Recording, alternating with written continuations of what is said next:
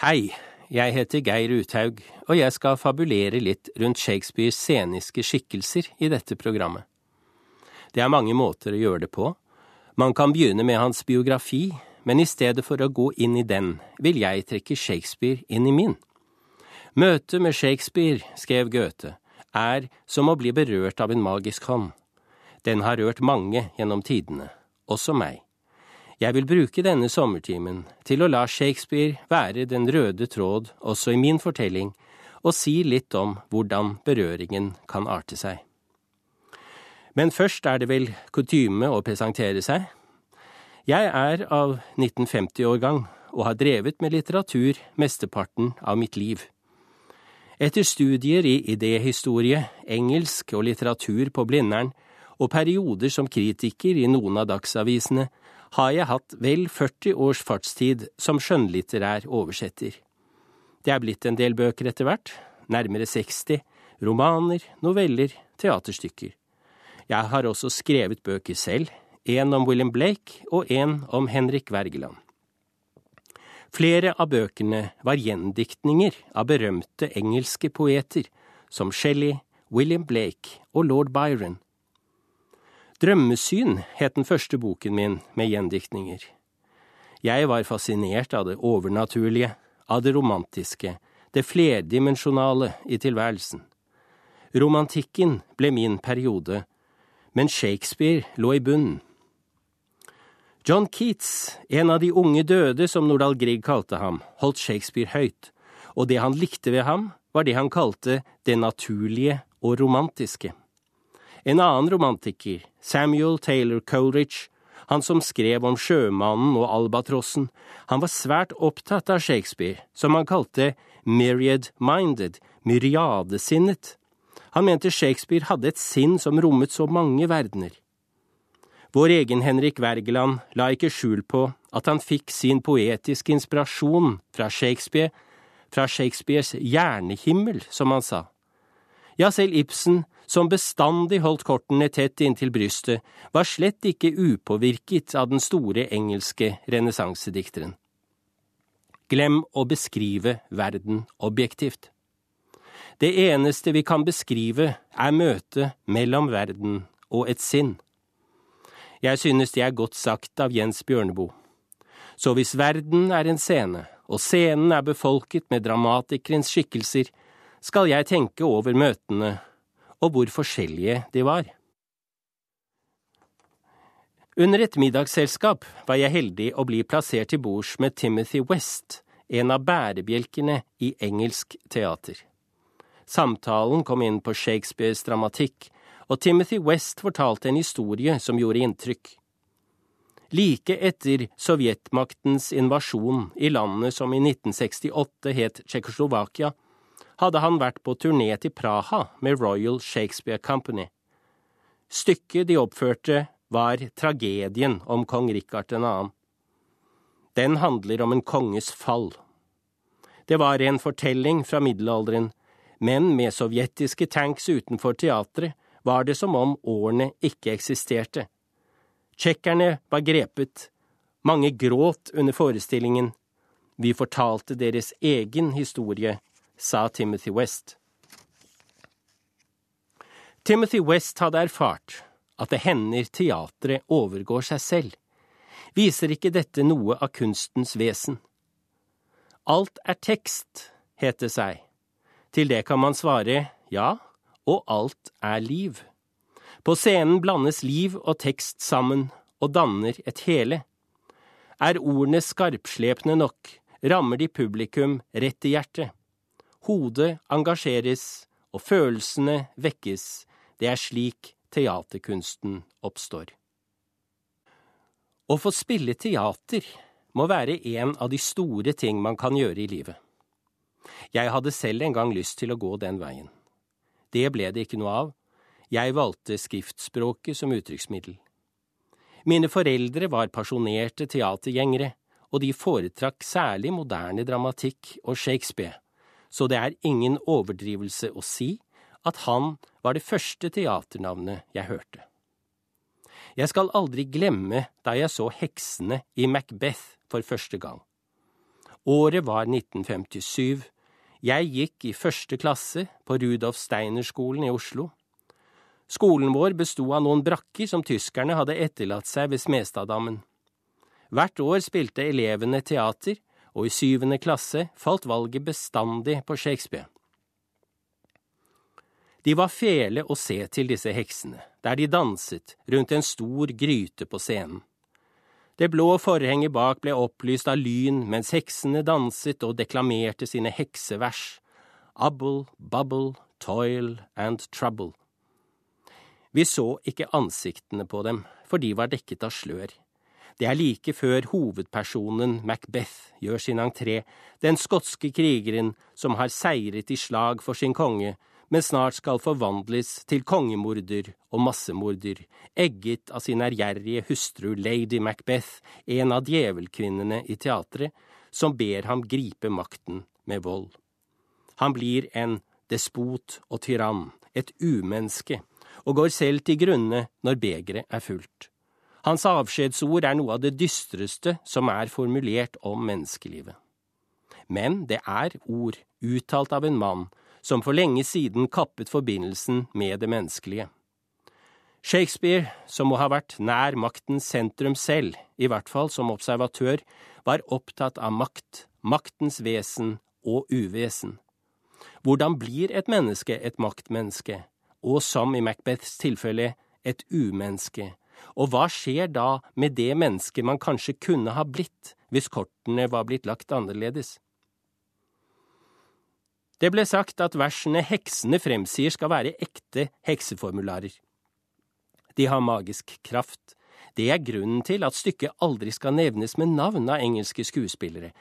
Det heter bare The Scottish Play. Det høres kanskje rart ut i dag, men husk at stykket ble skrevet i en tid da man fremdeles brant hekser på bålet. Å sette opp en tragedie på Steinerskolen hørte til sjeldenhetene.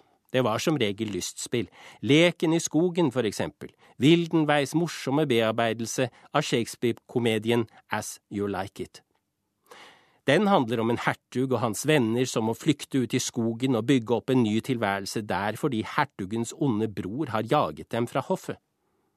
As You Like It er en komedie med erotisk lek og rollespill. Den har en helt og en heltinne, den tapre Orlando og den vakre og kloke Rosalinde, og alt ender godt. De unge får hverandre, og hertugen får vende tilbake til sitt hertugdømme, for broren hans har kommet på bedre tanker og blitt eneboer i skogen. Det samme gjør stykkets mest hemmelighetsfulle skikkelse, franskmannen Jacques. Han vender ryggen til hofflivet, til sivilisasjonen, for å finne sin bestemmelse i møte med naturen og ensomheten. Ingen har oversikt over hvor mange bøker som er skrevet om Shakespeare.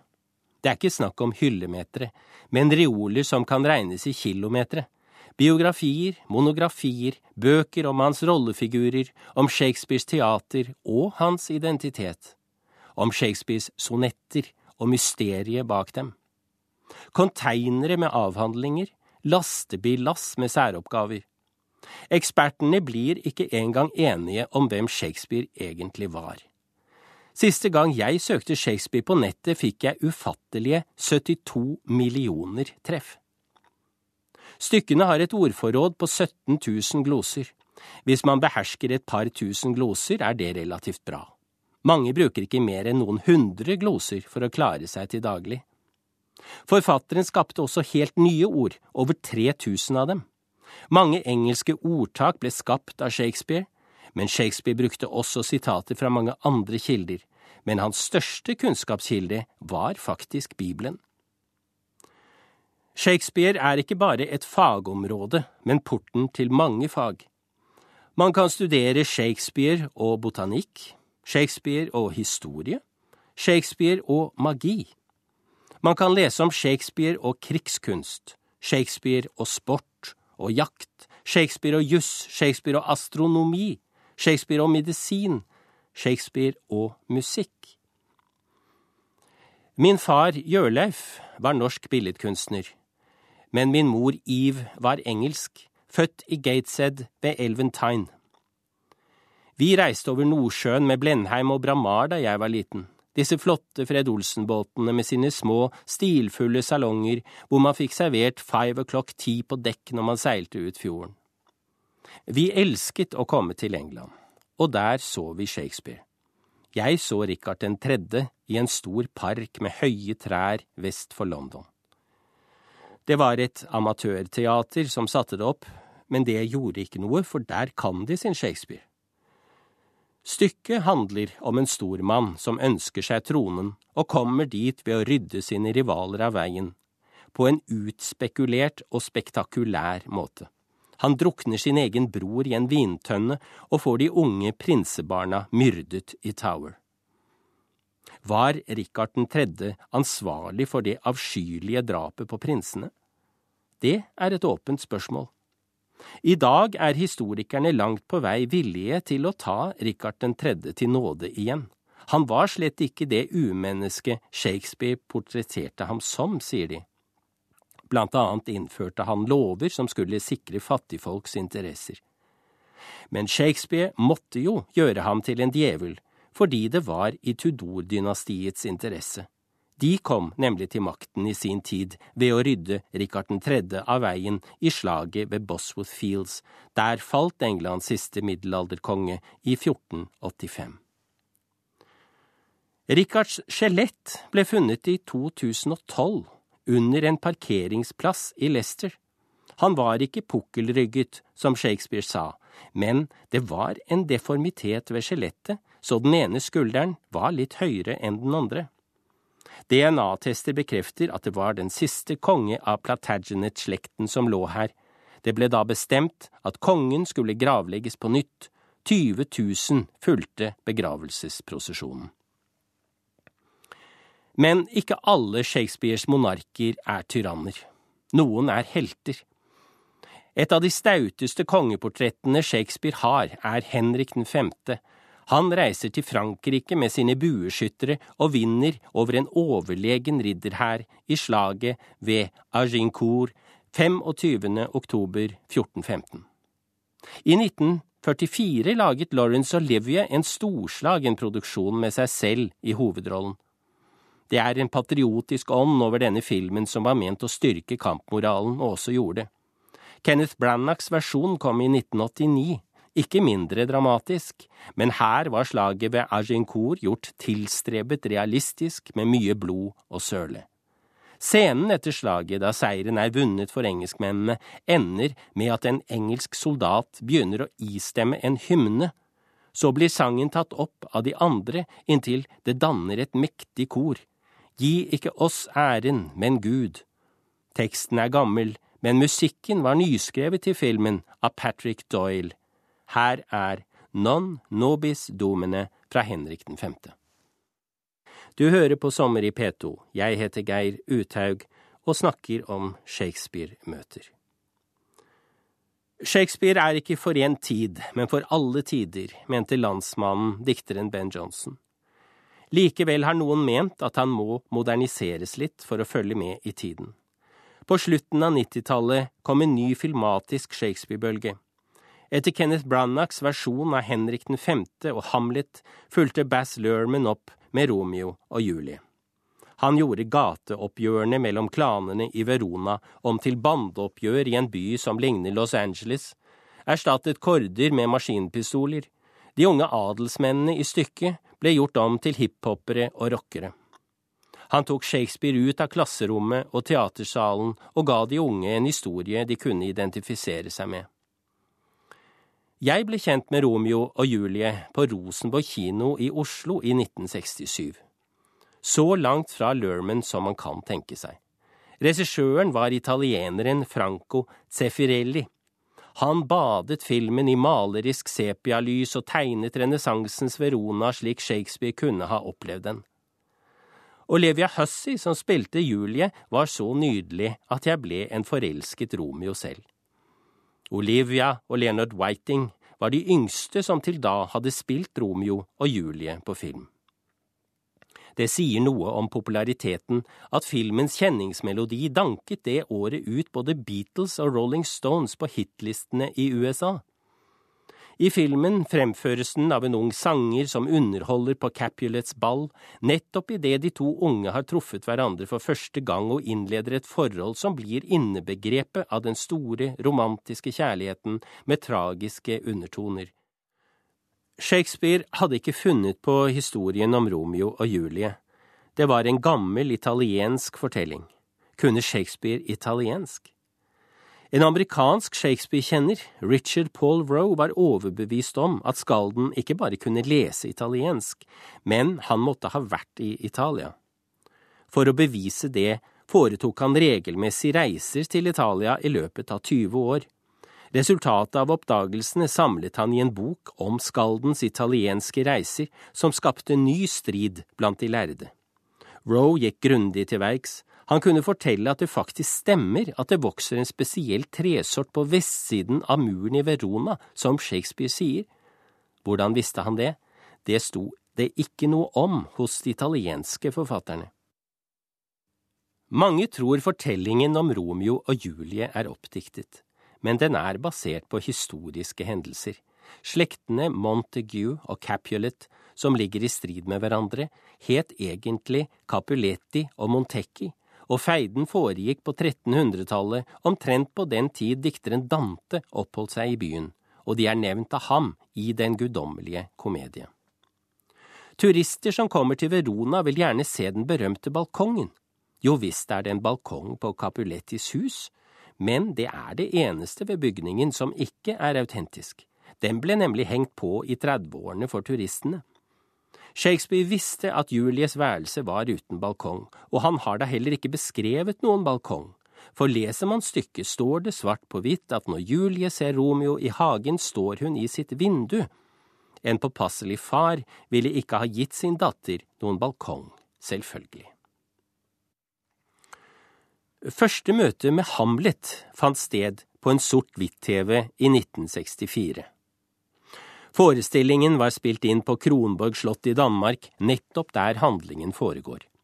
Hamlet ble spilt av det nye store talentet i canadisk film, Christopher Plummer, han som siden gjorde verdenssuksess som kaptein von Trapp i Sound of Music. Men først var han Hamlet. Der hvor Lawrence og Livia hadde brølt to be og not to be dramatisk over avgrunnen med piskende hav under seg hengende utfor klippen, der satt Christopher Plummer sammenkrøpet i en vindusnisje, den sorte skikkelsen mot den kritthvite muren, og i stedet for å deklamere, som generasjoner av hamleter hadde gjort, hvisket han sine strofer til vindusnisjen. Ellers har jeg alltid vært fascinert av spøkelset. Hamlets far, som viser seg på borgen ved midnattstimen. I denne TV-versjonen var han en glidende tåke, mer virkningsfull enn en kriger i full rustning.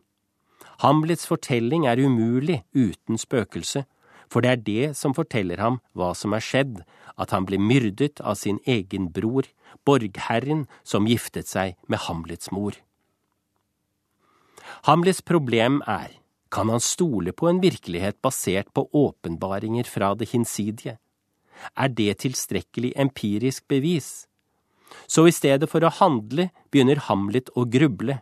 Han kan ikke løse sitt problem uten å ha løst eksistensens problem, som er uløselig. Stykkets mest tragiske og også mest romantiske skikkelse er likevel Ofelia, den unge piken som prinsen avviser ut fra den begrunnelse at verden er et ondt sted, så man ikke må bringe nye slekter til verden. Så han ber henne gå i kloster. For Ofelia, som er så fylt av lengsel og kjærlighet, er dette uforståelig, det hjelper heller ikke at Hamlet spiller gal og dreper hennes far. I villelse søker hun en seng i elven ved den lutende sørgepilen og blir funnet druknet et motiv som har inspirert utallige kunstnere, for eksempel den prerafalittiske maleren John Everett Millet. Da han skulle male sitt berømte bilde, trengte han en modell som lå så lenge i badekaret at hun fikk lungebetennelse. Det var Elizabeth Siddle, som senere ble gift med Millets venn og kunstnerkollega Dante Gabriel Rossetti. Maleriet som ble stilt ut på Tate Gallery i 1851, fikk ingen god mottagelse da det kom, men er senere blitt et av de mest ikoniske malerier i britisk kunsthistorie. Alle som gikk på engelsklinjen på det gamle gymnaset, husker The Merchant of Venice, som var eksamensoppgave for flere generasjoner med blivende rødruss. Stykkets tittelperson er kjøpmannen Antonio, som for å finansiere en venns frieri stifter en gjeld han ikke klarer å innfri, og havner i klørne på lånehaien Shylock. Shylock er jøden som lever utenfor samfunnet og er blitt trakassert av de kristne, ikke minst av Antonio. Hevnen hans er søt, mange vil si grusom, han vil skjære et pund kjøtt ut av Antonios kropp hvis kjøpmannen ikke kan betale. Kjøpmannen går med på den bisarre avtalen, han taper, men berger livet i rettssalen likevel. Shylock har rett til sitt pund kjøtt, nær hjertet om han vil, men bare ett pund, verken mer eller mindre, han må heller ikke søle én dråpe blod, noe som er umulig. Derfor får Antonio gå. Men dommeren, som er den høyvelbårne kvinnen Portia i forkledning, får sagt litt av hvert i sin prosedyre, ikke minst om hva barmhjertighet vil si. Stykket handler om juss, men det innebærer moralske valg. Gjengjeldelse og hevn er ikke veien å gå. Da stykket ble spilt på slutten av 1500-tallet, var det lett å gripe til stereotype virkemidler. Rasisme heter det i dag. Skurken var opplagt jøden. Jødene var jo også i England på Shakespeares tid i høy grad en utsatt gruppe. I moderne tid ser vi annerledes på hele Shylock-figuren. Han er den mest interessante av personene, han er også den som må betale prisen for alles mistak. I scenen der Shylock taper rettssaken kles han moralsk sett naken, men da vokser han. Hevnen forminskes, men ydmykelsen setter uretten i fokus. Likevel rettes det til dels opp ved at hans datter Jessica og hennes unge elskere, som er kristen, får hverandre. Den gamles formue kommer dem til gode. Dette er ofte et virkemiddel i denne dramatikken. Når problemene tårner seg opp og virker uoverstigelige, som med de største tragediene, oppstår en ny verdensorden, eller rettere sagt, en ny harmoni, en ny begynnelse. Det går i hvert fall an å se det på den måten. Til og med i Kong Lear stykket som ender med at en verden går til grunne i ytre og indre konflikter, selv der kommer en ny orden til slutt, idet kongeriket overgis til en ny generasjon som har sett feilene som ble begått. Kong Lear begynner med at den gamle kongen vil dele sitt rike mellom sine tre døtre, den skal få mest som elsker ham mest. De to døtrene Goneril og Regan hykler om kapp for å få sin arv, bare Cordelia, den tredje datteren, får seg ikke til å hykle og sier hun elsker ham slik en datter bør, verken mer eller mindre. Da blir kongen så rasende at han gjør henne arveløs og deler kongeriket i to. Det skulle han ikke ha gjort, for det blir opptakten til de tragiske hendelser som følger. Kong Lear topper seg i stormscenen. Utakknemlige og hardhjertete som de to søstrene er etter å ha fått arven, kaster de sin gamle far på dør idet stormen bryter løs. Stormen pisker over ham og gjennom ham, han var blind før, men er blitt seende. Han kan ikke lenger felle moralske dommer i en verden uten moral. Lear i stormen frikjenner alle, for hvem er egentlig skyldig i en verden der vi er som fluer for gudene, som han sier, de dreper oss for moro skyld. På et forlagshus i Oslo henger en liten, forgylt Shakespeare-figur i ramme. Han lener seg ut som for å påkalle oppmerksomheten. Han holder et speil, ikke fordi han trenger å speile seg, speilet er nok der for å minne oss om at han er et speil, et speil for verden. Noen ganger er speilet et narrespeil, Narren er da også en av hans mest interessante og mangslungne skikkelser. Fra den muntert lystige narren vi møter i noen av komediene, til den tragiske og vise narren vi treffer i King Lear. I middelalderen var narren alltid en del av hoffet. Makthaveren trengte en til å si ham sannheten, for han visste at alle de andre var smigrere, og ga ham sin hyllest fordi det var farlig å gjøre noe annet. Det gjaldt også på Shakespeares tid. Kanskje ser nettopp Shakespeare seg i rollen som narr, men narren bærer en maske. Vi bærer alle masker og skjuler sider av oss selv. Hvem tør egentlig si hvem de er? Shakespeare bar selv maske, men røper han likevel hvem han er bak masken? I komedien Twelfth Night møter vi narren, Feste kalles han.